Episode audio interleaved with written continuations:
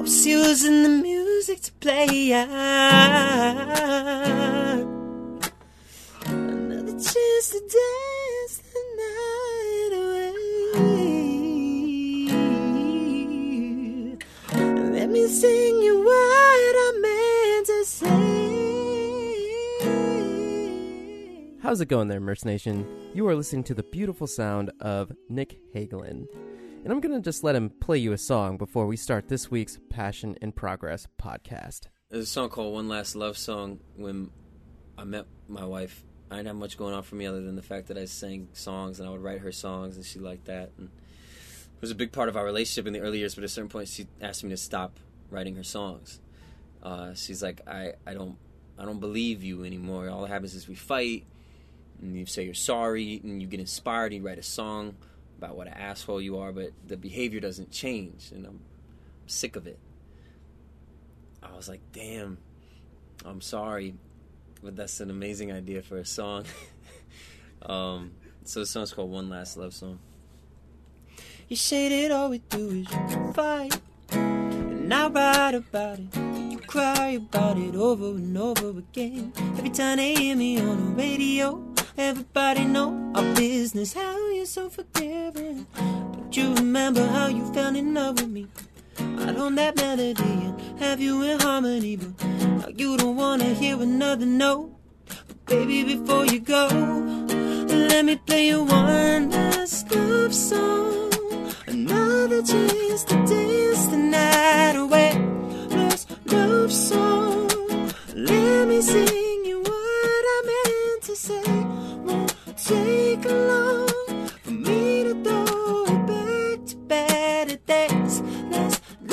song.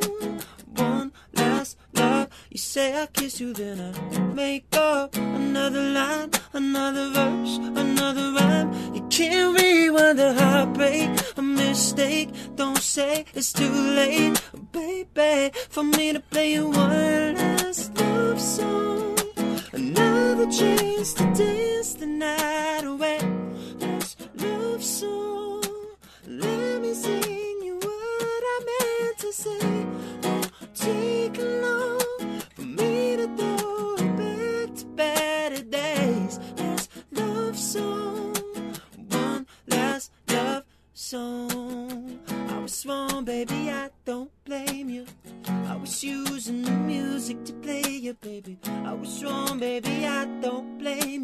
I was using the music to play you, night away. Love song. Let me sing you what I meant to say. Won't take long for me to go back to better days. Love song. One last love song. What is up, Merce Nation? Javier Mercedes here for yet again another Passion in Progress podcast. And ooey, I cannot wait for this podcast. I'm going to try my hardest to make this not like a five hour long podcast, talking to hands down going to be past, present, and future, probably the best looking guy ever on the podcast, Nick Hagelin. Man, what is up? How's it going? It's going great, man. I, I don't know if I feel like I need to talk louder. You have so much energy right now. Nick Hagelin is a award-winning singer, songwriter, dancer, and actor from New York City. His soulful voice and loving spirit have earned him millions of views on YouTube and a strong run on season 10 of The Voice, where he finished top 9. He he has been featured on Nickelodeon Kids Choice Awards, NBC, CBS, Fox, WeTV, E News, Us Weekly, People Magazine, sci-fi originals. um, it could go on and on and on. The very first thing that I want to ask you, and what the podcast is about, is what you're passionate about and how you're making progress towards that passion. Obviously, like just knowing you and your background, then like you're going to it. Audience growth and who you were. Uh, I want to say like 2012, 2013, doing the YouTube videos and everything transitioning from that to something like The Voice, but tell me how, when you set out to do what you're doing right now, how did you approach, like, I want to do this and then growing your audience? the passion has been there since birth, maybe both my parents were musicians, so I was in voice lessons before I was even born. My mom was a voice teacher and stuff, so always grew up around the arts. Always grew up in a family that was supportive of the arts, and I was a ballet dancer as a kid, still am, you know, but trained very diligently, and that was like my classical training. But then, man, once I really tapped into my love for music, that was always this huge motivating passion. Mm-hmm. And I thought perhaps I would break into the music industry making beats because I've been producing since I was like 15. Yeah. Um, and then I started playing in restaurants, being out with my guitar, loving that sort of feedback from audiences. I had a band in high school that was like heavy rock, and then I moved to North Carolina and chilled out a bit and playing acoustic gigs. And that's when I sort of really started to. I did a whole album in North Carolina that I self produced and wrote and recorded at home. And when I moved, sort of around that time is when I started to realize, like, oh, there's like an industry here that I could tap into, Mhm. and perhaps I could be some some sort of superstar. and that became like kind of a new focus, which was interesting because it was this like good and bad turning point. Because up until then, my love and my passion for music was so pure and like so unadulterated, and just like my Yeah. own voice, my own vision, my own relationship with music. It was just like I like this, so maybe other people will like it. But that wasn't even really part of the the internal dialogue. It was just like I love this, I have to do it. I'm going to record these songs, play them for my loved ones, play them for my friends, play them maybe for whoever's here at this open mic at this bar. But then I moved to Atlanta with this new, like, very clear intention of of getting signed to a major label Yeah. and making a lot of money in music. And I start to see like other people who have successful careers in music, and I'm only like, you know, between 18, 21 years old at this point, and the idea of like really making a living doing music. Um, and then when I moved to Atlanta at 22, like it was like fully formed, like okay, like this is gonna be it. And at that time, it sort of started to skew because I start taking this promotional approach to it, which is important, and there's like both Yeah. sides. Mhm. So that's when I started doing the YouTube covers, and the good part of that is just like refining my chops and building a, an audience, building a relationship with audience in person. So I'm going out every night with my guitar. Uh, at the time, my wife was pregnant, so like there was all this like pressure to like make something happen in like nine months. I felt Hey like man, that's a, that's that's the fire, you know. yeah, I like I had like nine months to like do something with my music career that was like solid enough to say like, like look, like this is how I should be investing my time. And so I'm going out every night. You know, she's at home. I'm going out with just my acoustic guitar, finding like any open mic, any showcase, any opportunity to be in front of people. And in Atlanta, I was kind of able to shine as like this young white guy who was playing like a lot of hip hop and pop uh, R&B covers and like all this like soulful music. So I'd get up at these Mhm. showcases um, at these like urban clubs, and people were like, "Oh, what's he about to do?" Expecting me to play like Jesse's Girl, but I'd play like Maxwell, and so it was like this really fun way to kind of like shine and make a name for myself in the city just by sort of being like an outlier and surprising people with the music that I liked. And um, through that energy and that motivation, I ended up getting signed to Interscope. And leading up to that was when I was doing the YouTube covers really heavily, and all that stuff is excellent for for building audience. Um, and then it all sort of escalates and, and grows in different ways. And my time at Interscope was weird because now all of a sudden I'm making music only to sound like what's popular on the radio. Yep. I'm no longer making music that I care about, no longer making music that has anything to do with my life because they're asking me to, you know, pretend I'm not married, pretend I don't have a kid, like and all this stuff may you know in the old industry maybe made sense to sort of like compartmentalize but in today's society everything's so overexposed like everyone has like that you're You knew, you knew. yeah, Yeah. and it's like I was like, this is never gonna work, and that was a big rift in my own consciousness too, because it was like, how am I supposed to do? How am I gonna be on the cover of Rolling Stone? Where are they gonna interview me? You can't come to my house. I can't talk about the things that that, I care about. So mm-hmm. like to to sort of build myself up as this pop star in such a false pretense was very difficult for me to get behind.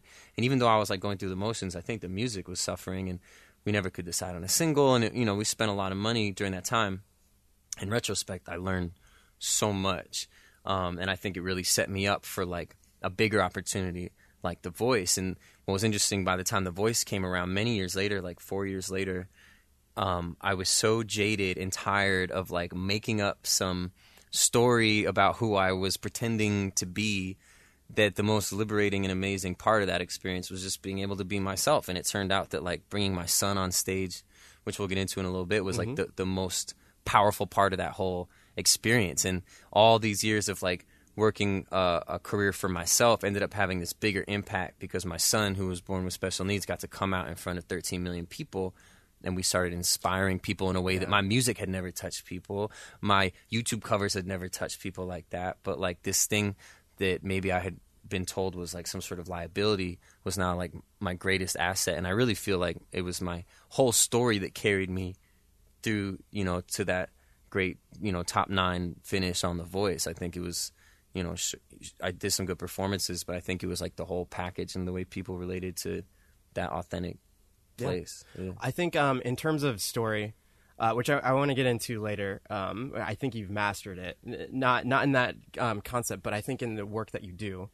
Um, but the the overall lying, um, I guess, theoretical concept of regardless of it's the voice, if you're it, like pursuing truck driving or something like that, when you approach uh, something from like a brand standpoint, I, I think you feel more connected to people when you know the pretense of like where they came from and like you you know the history of them.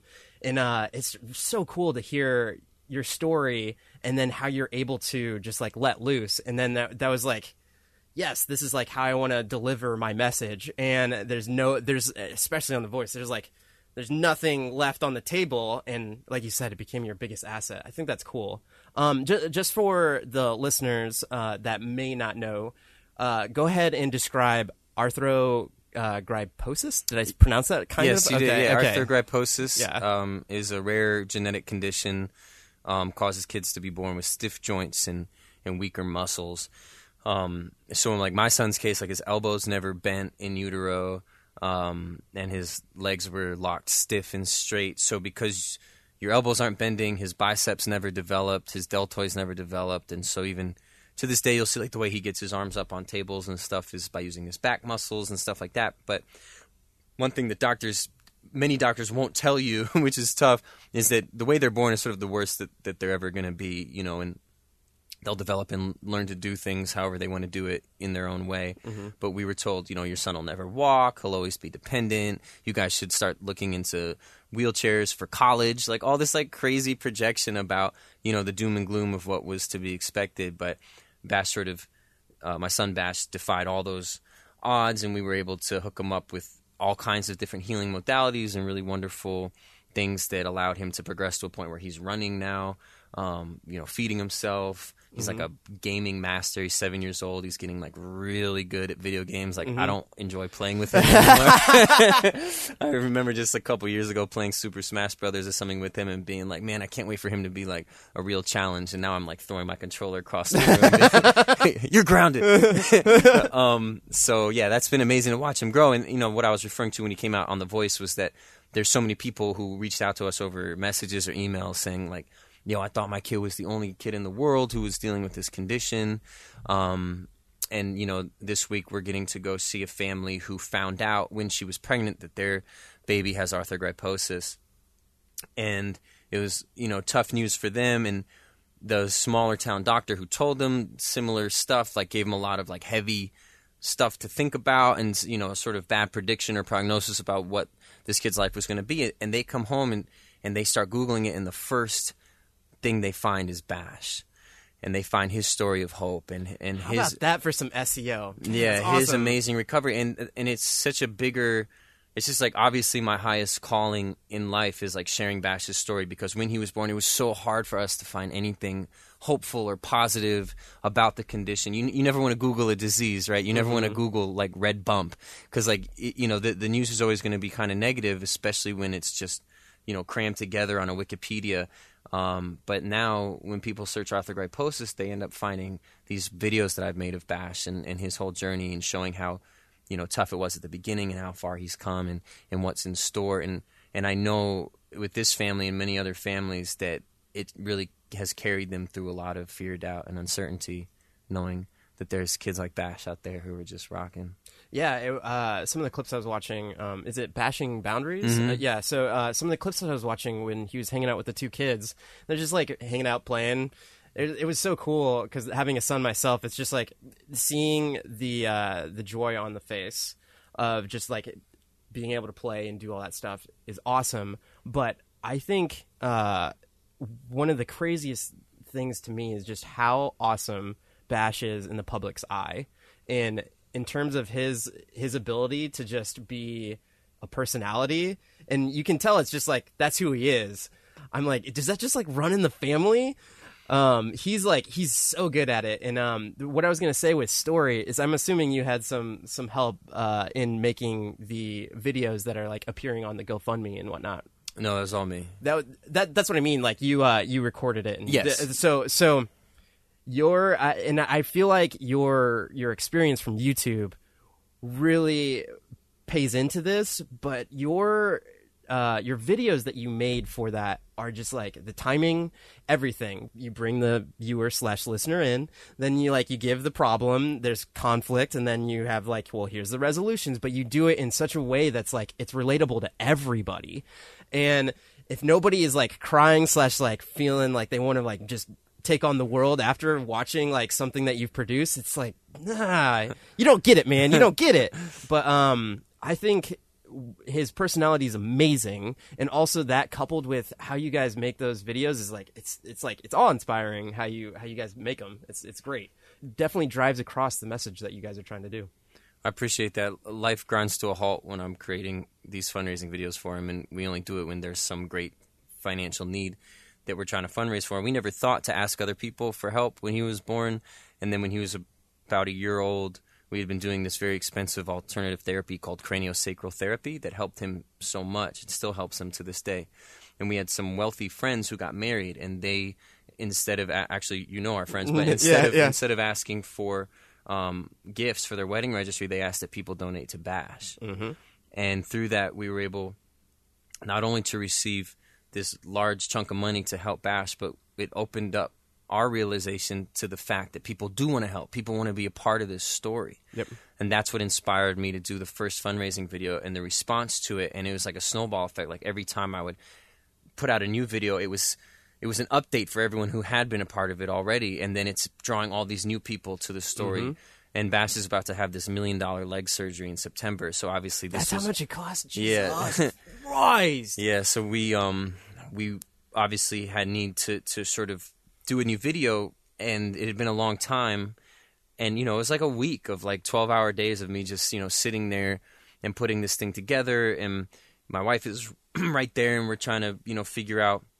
The interesting thing about making these videos is that none of the visual content was produced for the sake of this video. Yeah. It's like digging through a family photo album and trying to make a movie that I'm just going through I know every- exactly what you mean. Yeah, I'm just going through everything we have and starting to compartmentalize and make folders and like bash walking, bash running, bash you know, and and finding and then I go through and I find the sort of most visually poignant moments, th- these moments that are powerful just visually, just like and I start throwing them in the soup, you know, and Yeah. and then looking at them and rearranging them and trying to. I saw a post on your Instagram recently that was like, you take this, you put it like that, and you Mm-hmm. Yeah. try and make it tell a story, and that's Yeah. what video editing is, taking all these great little components and putting together. But this video really seemed to click. Man, we raised, or we set a goal of ten thousand dollars, and now we've raised over twenty five thousand dollars just in this month that we've been doing it. So Yeah. Um, and the GoFundMe is still open, right? yeah, GoFundMe.com slash new dash legs dash for dash bash. New legs for bash hyphenated. Um, If anything, it doesn't take too long to watch that video, and it's it's definitely worth your time. And then that will give you the backstory of what we're talking and about. just sharing it is so powerful because that's the bigger impact. It's twofold because when people donate, Bash is able to continue his healing advantage. Like he's at this great advantage because we've been resourceful enough to involve all these people. But because he has so much success, it in turn inspires other families who may have not had the hope in the first place. So even just sharing that video on your Facebook page, it just has such a huge impact. And that's what I'm coming to learn more and more and more.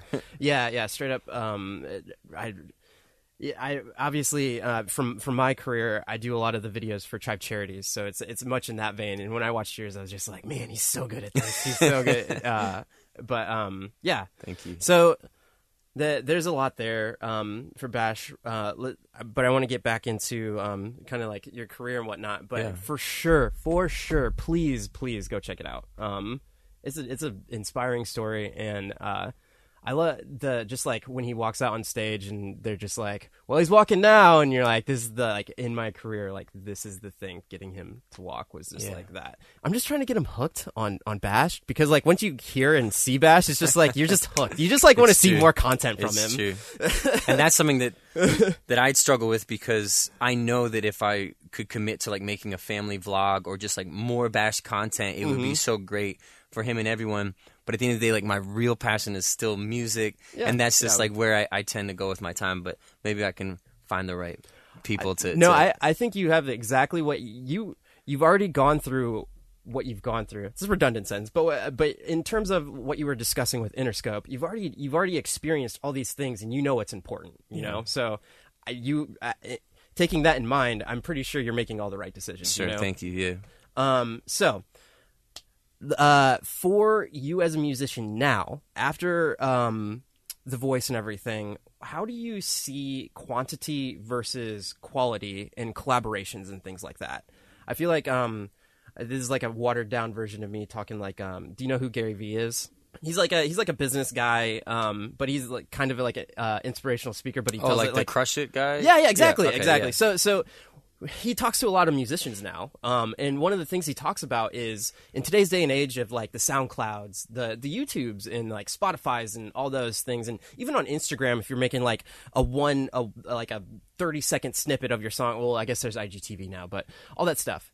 It's like if you're that person that people see that grind of like, all right, every day, every like day you hop on the microphone and here's a new freestyle to the Eminem beat, here's a new freestyle to like I don't know, J Crit and other stuff. Um, th- doing pursuing that kind of thing, or is it like at your point right now? You're just like, I I want to collaborate and I want to like I want the best quality that I can. Where are you at? Yeah, exactly. That's for me now after pursuing the sort of promotional growth and the potential viral growth of being very consistent on any of those platforms because that's really how you're going to win. And for young young artists or anyone who's like tr- trying to just get a start as far as building fan base, that's always what I say. Like make YouTube covers and put them out and do it consistently because YouTube is actually this wonderful. I know you hear about negative YouTube comments, but really as a whole, it's this like wonderfully welcoming community where you can mm-hmm. put content out.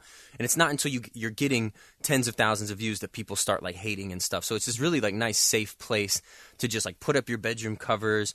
Don't worry about production quality. Don't stress about was that the best take? or whatever. Just do it consistently and you'll start attracting this fan base. So that's that's great. But at this point at this age or Yeah, whatever, yeah, exactly. for me my whole focus has shifted becoming less obsessed because for me it was an obsession with like being famous and being a pop star or like having a big record on the radio and being on tour. Which I guess like is is good in your like like you're you're you knew what you wanted to do and Yeah, and I, yeah. and I really went after it and I learned a lot in that process and I've had some amazing career highlights. Um, but where I'm at now, all that stuff is great and I'm still open to it because I love performing. So like I, I would love to perform for 30,000 people in a stadium. But for me, right now, the thing that's really going to create the lifestyle that I want is making great music. Music that is going to be sung by other artists, by myself. I'm not attached to that anymore. So I've just been songwriting, producing, collaborating as much as possible with as many different talented people as I can because you learn so much in that process. Mm-hmm. And then I've been really honing my skills at home, but you make great music at home, it's that much more of a leap to get it out and get it heard. But as soon as you have two people, three people on a record, it just that synergizes. Their networks hear it. Each one of those talented artists has a team of people behind them who's like working to get that music heard. So the more collaboration just creates more. So I'm just focused on that mailbox money at this point. It's like that's why I'm really taking acting seriously again. Yeah. I'm really focusing on songwriting and production because really I think about what I really want and I want to be able to say, yo, I'm going to go to Hawaii for 60 days. I know my family will be happy there, and I'm going to work on this album. And I'm going to bring the musicians that I know I would bring to do it. But how do you do that? You do that with passive residual income. I do that because I know that the money is coming in my mailbox or is being direct deposited no matter what I'm doing. Mm-hmm. So the grind of wanting to be an artist is interesting because you're still sort of pushing yourself into that trading time for money box because you still got to go on tour, you still got to promote the album, you still got to do Yeah. these things. Yep. Whereas the publishing side, the songwriting side, that's like really creates freedom for life. Like when I first signed Interscope, I worked with this guy Billy Steinberg who wrote "Like a Virgin" for Madonna, and this cat's like all white hair now, living in a house in Malibu, and he was just like, Nick, all you need is one. All you need is one, man. You know, pay for this house, pay for that house across Yeah. the street. You know, Exactly. and um, and so even if it's not one, even you know maybe I maybe it's not a mega hit, but maybe it's dozens of placements all over the place from TV, film, you know, all that stuff. Yeah. and you know, so that's the kind of quantity I'm going for now is like having Exactly. you know enough catalog and enough body of work because and during the process of being obsessed with being a star. I actually got like a lot better at making music. So that was all good and it was like a wonderful way to spend my 20s was, you know, I'm pursuing music and and that motivating force was like I, I want people to know how talented I am. I you know, I, I want that that affirmation and I, I want like all those things that motivate like young talented people to you know, like every time, you know, and there's a lot of stuff wrapped up in that, but it's all sort of ended up in a real healthy place where I've like learned a lot there's an interesting turning point where I was getting to this really like toxic mental space of being jealous of good music. Here's like, like I'm I'm someone who's like always loved music my whole life, and now all of a sudden I hear a hot record or like a great record on the radio, and I go, you know, God damn it, who who wrote that? Who produced that? How do how come I'm not working with them? How do I get a record like that? How come that wasn't my record? Why didn't my A&R find me that record? Like Yeah. these like nasty, jealous, petty thoughts relating to what used to be the love of my life. Now, what actually fixed that was I started DJing weddings.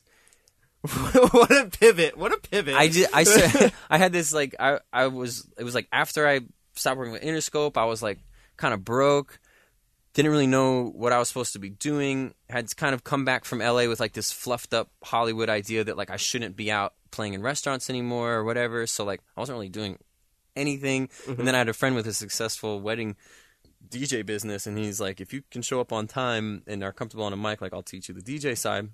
Are you comfortable on the mic? And um, Nobody better.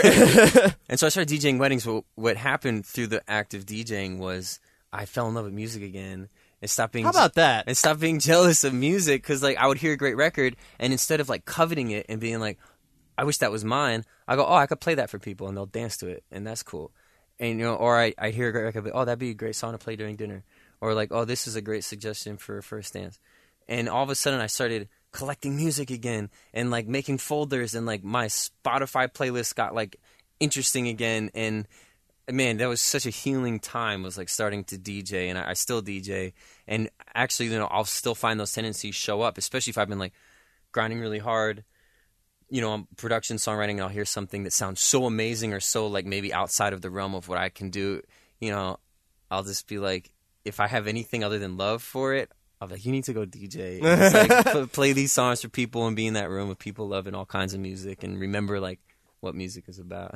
I love um, one. I love the business side of it. Uh, and you talk about mailbox money. Um, one of the things that I, especially from my side, um, growing out and going out on my own, doing all this, uh, like one YouTube, and then doing this podcast and things like that. It's I uh, I love talking to people and like hearing their stories and everything, and then I also love video editing. So I like want to do video editing tutorials and things of that nature. So at this point, I'm just like I'm pursuing those two things and then see where that takes me. But um, also on top of that, it's like how many different pockets of things can you provide value to people and then actually like make money from it? And I think um, hearing what you were talking about with the DJing and um, what you were pursuing before is like obviously through music you are touching people, you know.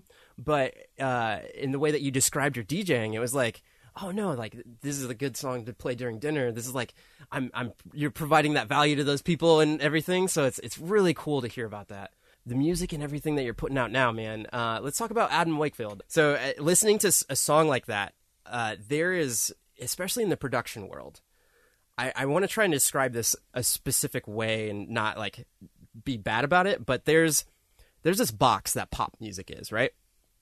And I think pop music is the hardest thing to just like you you like you hit it just right because like you go a little you play a minor chord you play that like that whatever seven and then you get you get a little bit out of the box and then people are like what's this avant-garde whatever you're playing Sure. you know and then um but with the one with Adam Wakefield it's just like every single I want to say every single beat of that um, of that song is there's a subtle nuance to every single measure where you there's no repetitiveness. Like obviously it's like all right, we'll play 145 or whatever, but the instrumentation, the the layers of voices, all of that stuff, it all builds on each other. And like I was saying um, with your with your videos, you are taking the people on a journey. It's like you you you with all the songs that you're creating now, uh, it's like you you kind of like take off with the plane.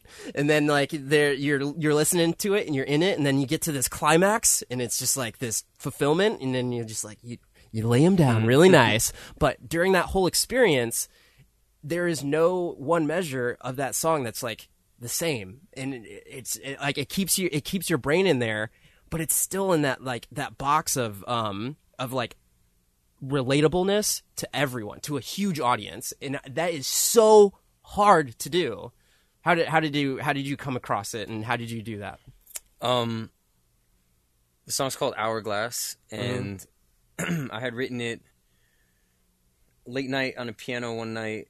Uh, a couple years ago, my dad paid to have my grandma's. Well, it was his piano, but it had been at my grandma's house to have it like trucked down here to Georgia from Connecticut or something. So that was like a huge gift my dad gave me. Mm-hmm. Um, and just having the piano. I remember talking to a great songwriter.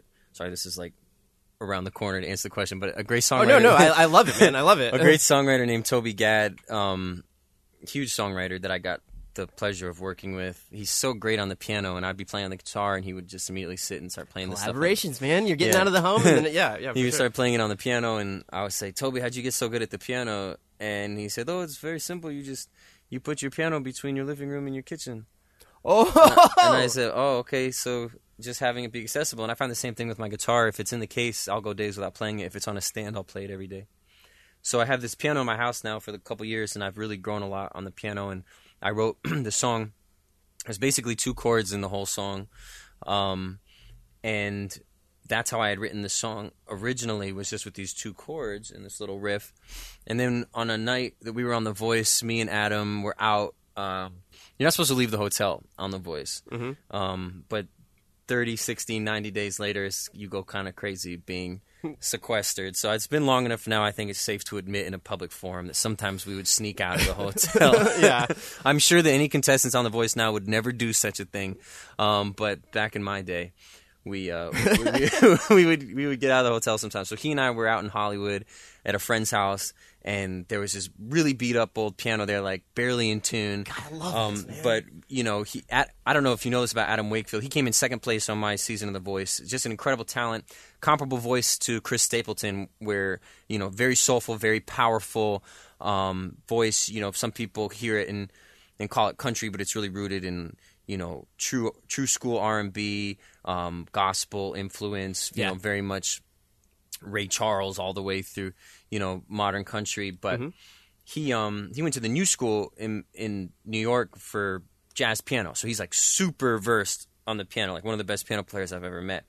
And so I was like, Adam, look at this song, and you know my clumsy fingers are like playing it, and he's like, that's cool, but maybe you could do something on the pre-hook. So the same melody I had, and and then tomorrow's gonna come and tomorrow's gonna go. We'll be left here with regrets about the way it all should go. That part had just when I wrote it, just the same two chords as the rest of the song. But Adam's like boom clap, da da da, clap, da da da, clap, da da da, and he gives it this like real bluesy, fun, you know, pre-hook section. And I recorded it. I have a voice memo. I don't think it's on this phone, but I have a voice memo of us, you know, the most detuned piano, like the most lo-fi recording of it. And um and I recorded it and I had it and I would always go back to it and I never wanted to touch the song without Adam present to play it exactly like he played it that night in Hollywood. That, as I said, he may or may not even remember playing, Yeah. Um, but luckily, I had this recording, and a few months after The Voice, maybe a year after, he was coming through Atlanta, and he spent the night at our house, and we had a really fun night. He taught Bash how to gamble. Thanks a lot. And then I come outside, there's like all these like dollar bills everywhere and dice. Uh, we we cooked out, and then um, at the end of the night, you, know, my home studio, I pulled up the voice memo, and I was like, "Do you remember doing this?" He's like, "Oh yeah, that sounds pretty cool."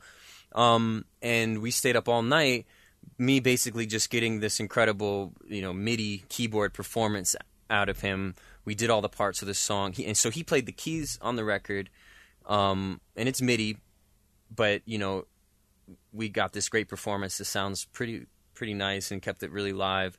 And then he played the kick drum and the bass both because the bass is so perfectly in sync with the kick drum Mm-hmm. and none of neither the bass nor the kick is quantized and i've never had a record where the kick drum wasn't quantized Can meaning you explain yeah to the audience what quantized so quantized means like um, putting it on the grid. So if a song's at 120 beats per minute, you have divisions of that. So like a dance song would have, um, you know, a kick drum, boom, boom, boom on every beat. So you might play it through your little plastic MIDI keyboard and be a little off, like boom, boom, boom, boom, boom.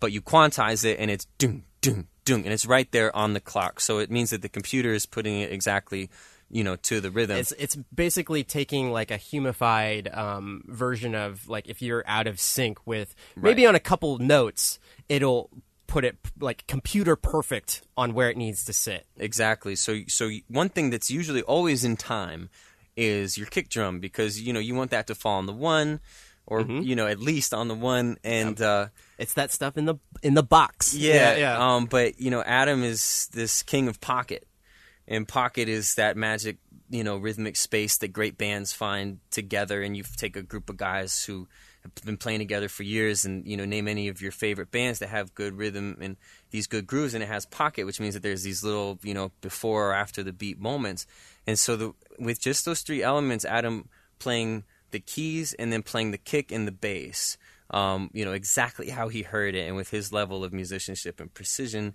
and then he sang the chorus which is still on the record he sang it that So night catchy. and I sang this little scratch um, vocal, and he was a little concerned about it. He's like, you know, you need, you need to sing that a little better. And I'm like, I'll, I'll get to that. Let me do it on my own.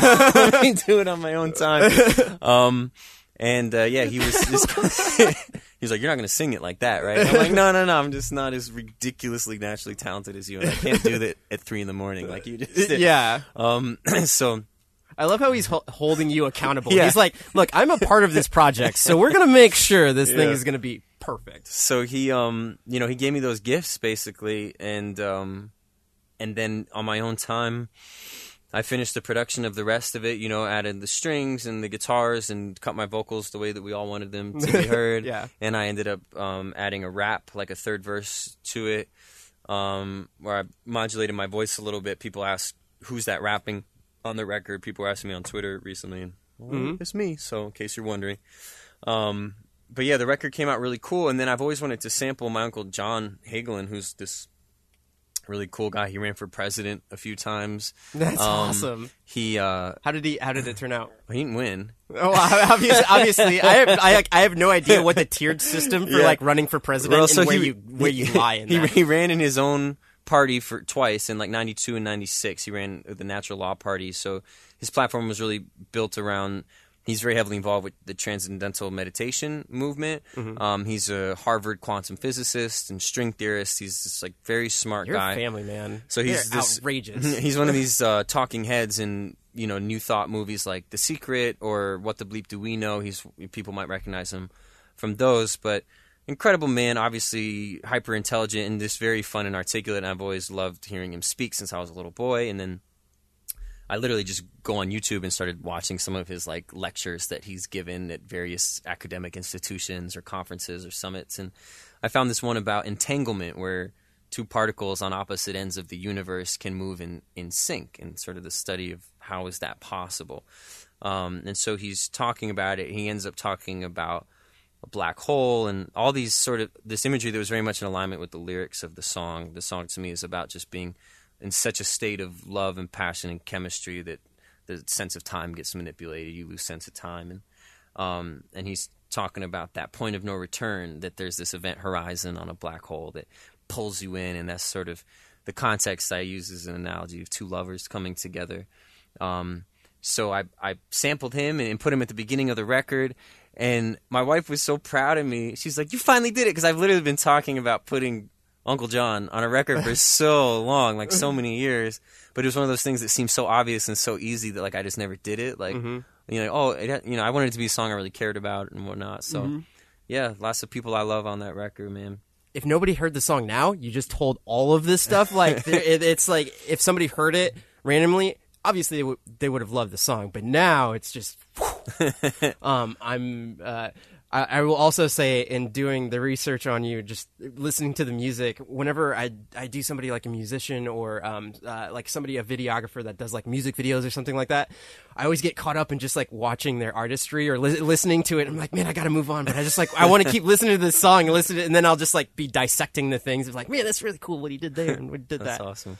So another one that you uh, did was, and I believe you're about to shoot a video for it too. Um, is the I don't want to know, correct? Yeah. So I gotta say, man, that song builds, and then when that um when that last third of that song comes in, dare I say it is so lit. it is. Uh, I like talking about this stuff, but I don't like in terms of the audience. I like. I just hope that they like they get some of this stuff. But I'm just gonna fanboy a little bit about how, just your production of the song because uh, you go from like this halftime like really awesome dance, doom, doom, doom, Yeah. and then it just like.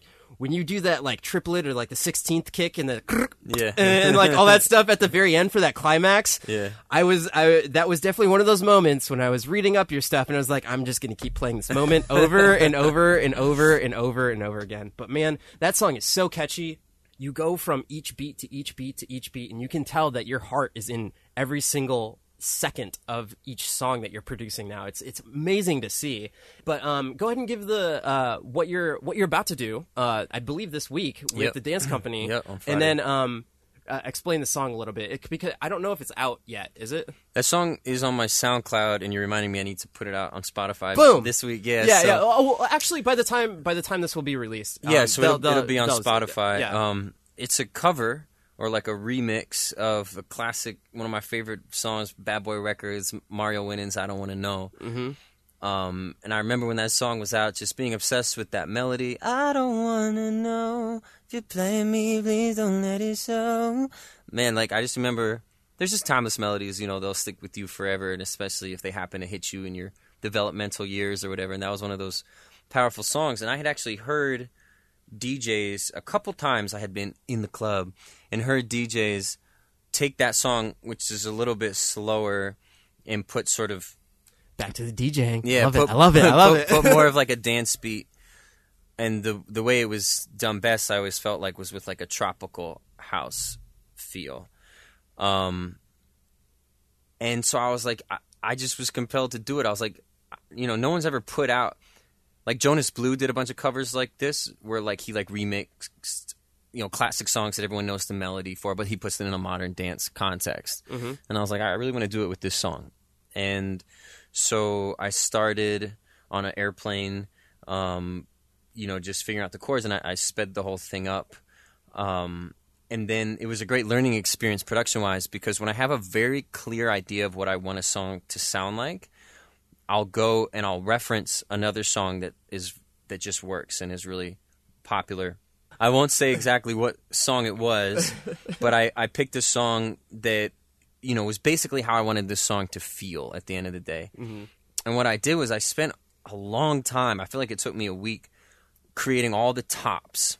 So like all of the hi hats, claps, snaps, tambourines, and transition effects. So all the like and the that was a great version the, diff- that. the different like snaps or where like the fourth snap wouldn't be a snap it'll just be a shing like just like a real reverby tambourine mm-hmm. and I, I almost like just straight up copied the sequence of this other song like these are the sounds they use into transitions they reverse a big reverb tambourine sound so it's like a shimmering shine, you know like Yeah.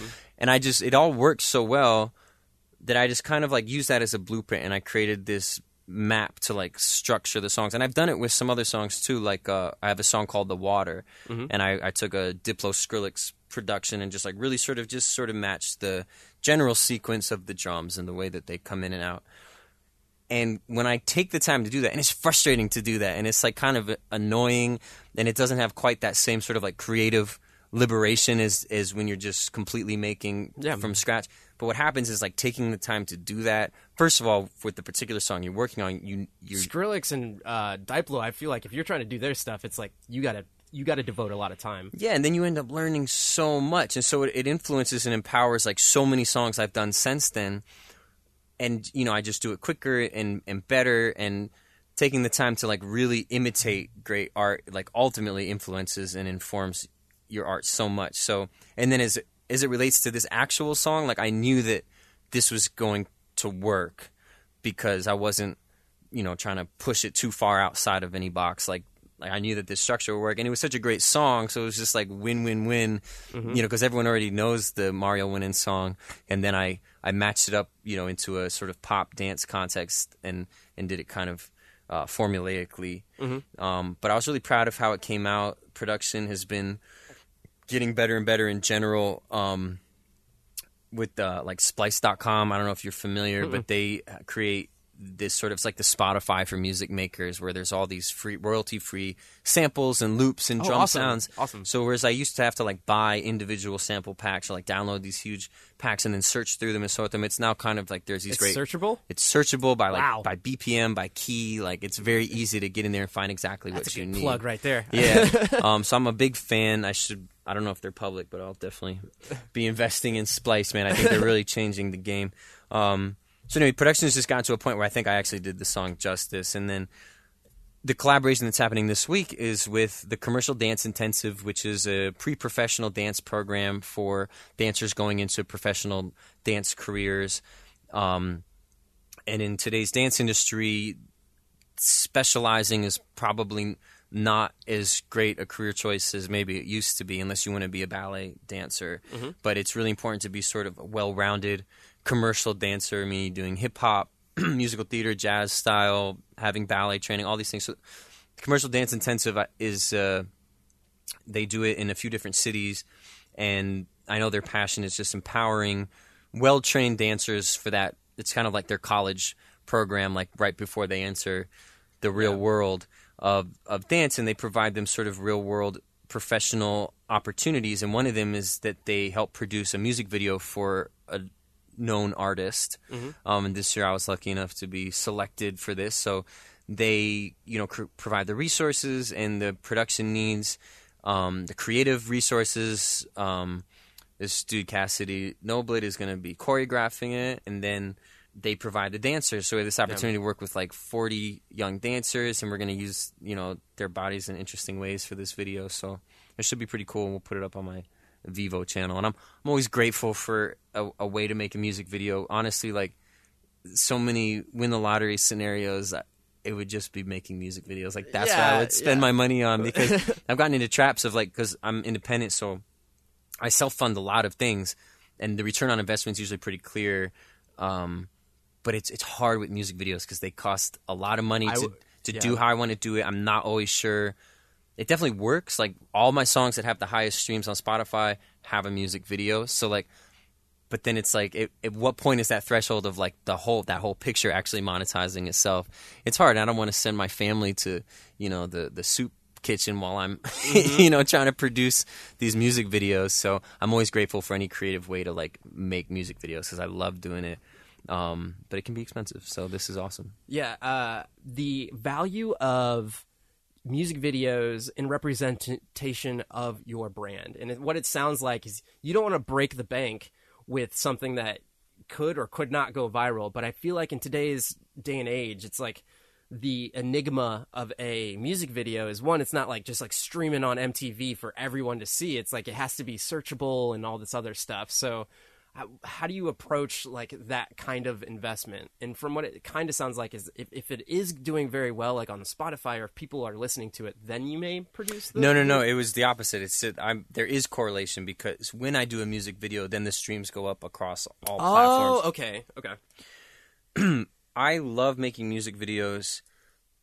For me, as a still relatively unknown original artist in the mm-hmm. big picture, I don't have any hit records. I have people listening on Spotify and stuff, but you know, not millions of streams yet. Um, I love having a music video because it allows me to have a visual advertisement for my original music. People watch me the most on Instagram, I'm sure. Mhm. And as soon as you put a video clip of up from a music video, it just it has such impact and allows people to absorb the music.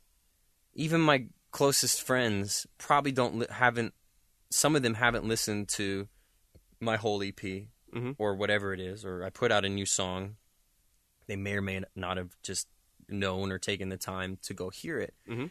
But they see a, a clip and it just immediately pulls them in. It immediately like edifies the music because I work so hard on the music and it can get frustrating Yeah. to have a limited audience and that's all part of the growth like you, Mhm. you got to keep doing it and then you know you can't do it for an audience. So it's like Yeah. you, you just got to keep doing it keep doing it better and hope that one day as many people as you want to listen are going to listen. But I know that when there's that visual thing like so many more people will go through and click the link in your bio and go check it out. And it also like it helps me transition from my YouTube channel which was all covers and that's where a lot of my subscribers came from. Mhm. I just stopped doing covers. And so I would love to continue to engage with them but I don't do as many covers because I really want my original music to be you know put Yeah. forward and music videos are just the best way to do it so like any project I've put out if you look at like the Spotify streams it's like oh that's there was a music video for that song and that song and those two songs have the most listens so there's definitely a, a great return and I would love to do it even if they weren't all like huge high budget things I would just love to to just do more music videos for sure Cool. Speaking of music videos, you know where I'm going with this. Blue Moon, man. Now, as a video editor and as a audio engineer, I have so much appreciation for what you did in that video. I was like, I was floored. I was straight up floored at what you set out to accomplish. And after I saw the, um, after I saw you implement it, uh, throughout the whole music video and not realizing that it was one take, and then like I think it was afterwards, um, after I watched it, I was like, wait a minute, he didn't, he didn't cut away, and then I like obviously watching it again and again and again because it's just a catchy song. um, I was like, dang. So w- there's a couple things that go on with Blue Moon that uh, Nick did, and I don't know if I like if I want to explain it, if you want to explain it, but I just I just want to say he he he pulled a very hard technical feat with it, and in terms of when he, you go to record a music video. Uh, I'll give you an example. One of the most known music videos that does this type of effect is Coldplay's Yellow and it's all one take. And what they did is you play the song at two times the speed, or you play the song at three times the speed. And what happens is you have to uh, when you're when you're playing the song at that speed, you can then transition it to slow motion. And when it's in slow motion, it looks really cool because all of the gestures and everything are in slow mo, but the mouth is still speaking at the speed of the music.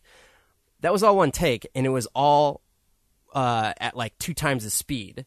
But what Nick did was like took that to a completely different level, and I have no idea how you wrapped your brain about it uh, around what you did. But can you explain the process of how you came up with that video? Well, first of all, what we did was pretty cool, but but Coldplay Beyond Yellow did it in The mm-hmm. Scientist backwards. So Oh yeah, yeah, yeah. so we'll, I'll explain what we did, and it was cool. But the ultimate example of crazy sync is that Chris Martin learned one of his songs in reverse mm-hmm. and shot a whole video. I don't think it was in one take, but they shot the whole Scientist video backwards. So he's mm-hmm. so there's many levels to this like crazy sync world, and Coldplay was a huge influence. So it was cool that you brought that up. Right. So if if you sing double time, so you know the night it used to be night, and da da da and Imagine his voice like in the squirrel, the, like when Right. you when you play it at two times the speed, and then you hear like the chickmunks. Yeah, so then what happens is you have um, the super fast sync, but then you slow both the audio and the video down, and they're in sync, like Javi In explained. post. Um, so we wanted to play with that. We were inspired by a bunch of different one-shot videos. We've done pretty much any video I've done, not not every, but most of them. We do at least moments of that slow motion feel because now maybe that we've mentioned it, you'll see it in a lot of videos. Justin Timberlake's "Cry Me a River." Also, the whole thing is done in that same sort of slow motion feel, and it's it's it gives it this very magical, ethereal feel. Um, and so we knew we wanted to do that. We knew we wanted to do one take. Um, so we looked at all the different one take videos. Obviously, the king of one take videos, or the kings, is OK Go. Yeah.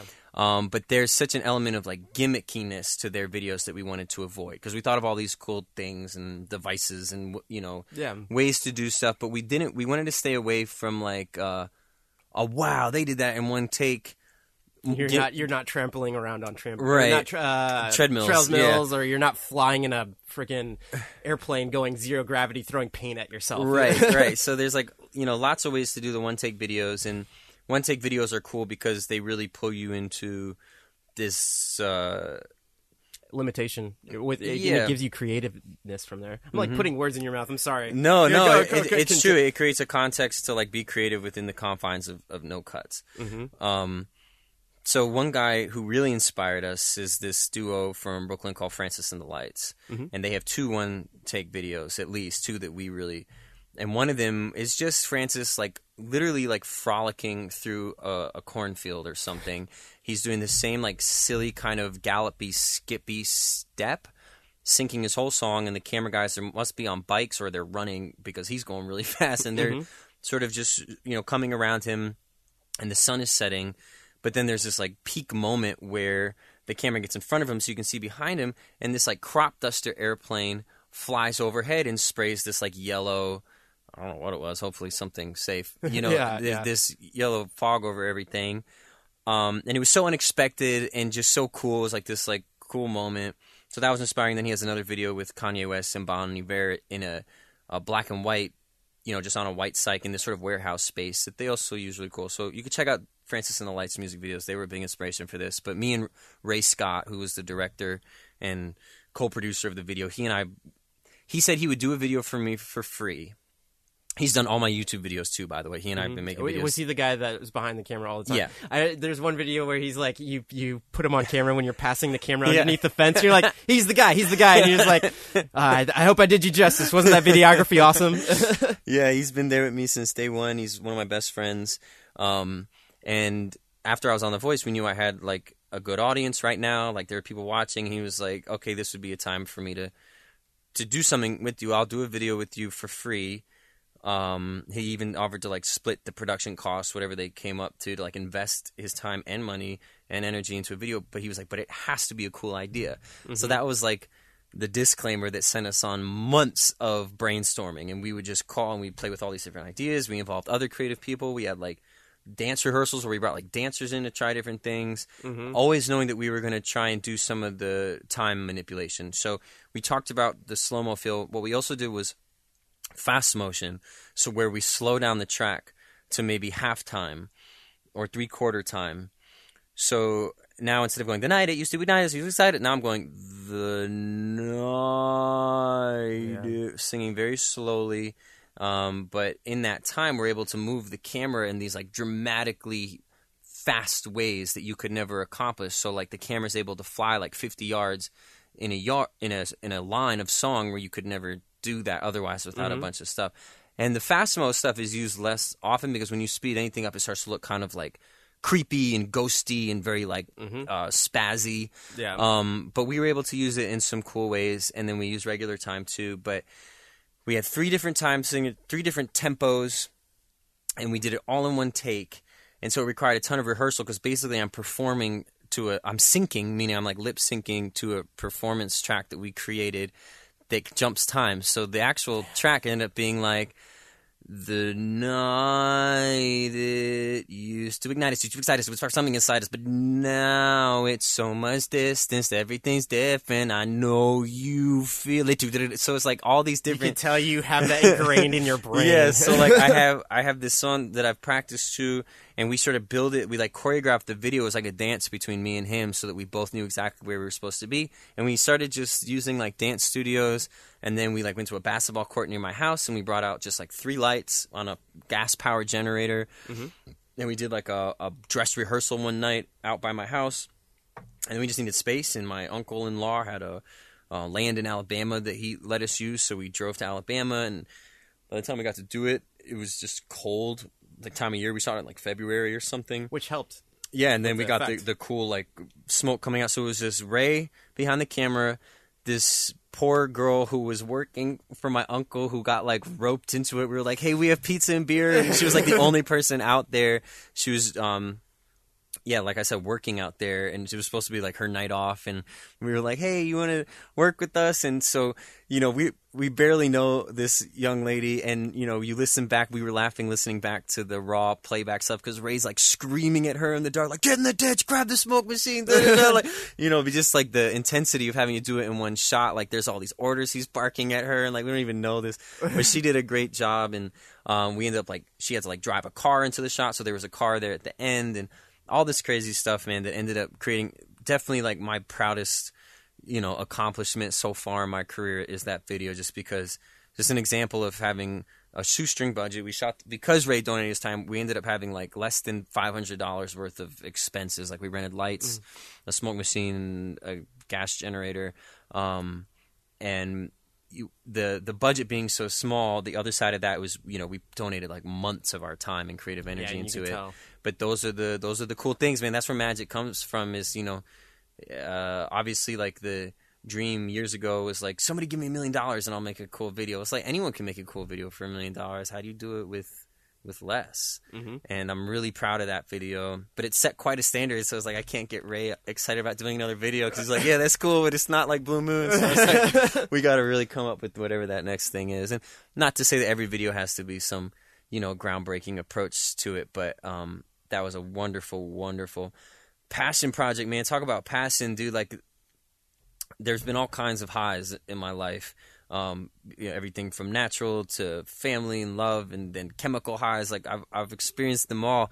But one of the peak moments of my life was being in Alabama because we did it in one take. Ray was actually able to do like a rough edit of it in like an hour, um, because we knew the formulas of like how to speed up the video. Yeah. Yeah. and he put the black and white filter on it. And so that very night that we filmed it, we wanted to because it was one take. We we needed to see it and make sure it all kind of worked because we had this one night to shoot it. So we had to go back. We would have had to go back out at two in the morning and like try again if it didn't work.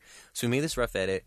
We were pleased with how it looked, and we just kept watching it and watching it. We would watch it, and we would start screaming and like pacing, We're like whoa, and, like high fiving each other, and then we'd like start to like come down and like like chill, and we'd be like, let's watch it again, and we like watch it again, and be like whoa, you know, get so excited. So I mean, that's always like one of those feelings I live for as an artist. You know, I always talk about that feeling of like the end of the session where it's like you and whoever you were working with are just get to sit back and listen to what you created or sit back and watch what you created and that's really I feel like a feeling that every human like deserves to feel and mm-hmm. I think it's something that like people know that like creatives quote unquote creatives like have this access to this this sense of accomplishment and like this incredible blissful feeling of like really doing something cool. And i feel like we're all creative in different ways. And like um even if you're not like a stereotypical artist or musician or creative type like whatever it is you are doing if you're passionate enough about it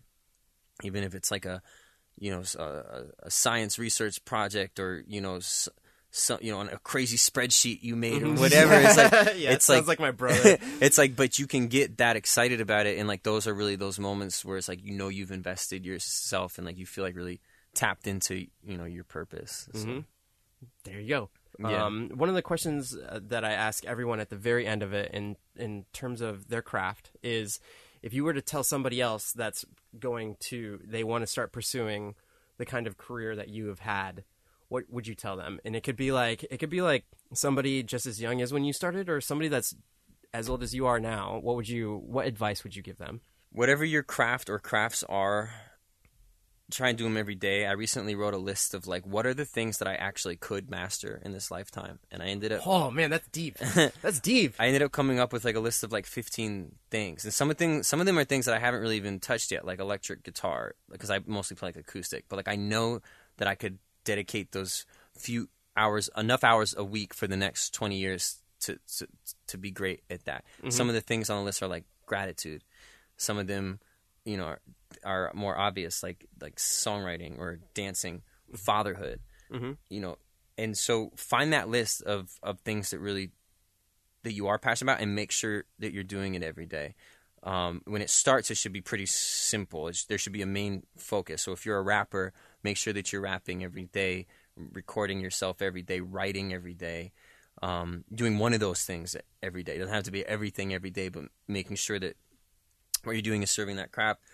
Unless you're trying to be like um, a professional game designer, I would try and stay away from video games and stuff because like um and I know that's controversial, but for like me personally like it's it's I, I saw a quote once that's like, you know, it's only f- it's only like real fun if you make it yourself and like so much other stuff is just entertainment. So like there's so many countless hours that like obviously i would have loved to just be like playing video games because they're so awesome but like mm-hmm. i go into my music studio and i try and make something. So like video games is just an example but like it's okay to have vices obviously but there are certain things that it's the exact same time that time of day where you you know, let's say you have a day job, so now you've come home and you're like kind of tired and you need something to just plug into.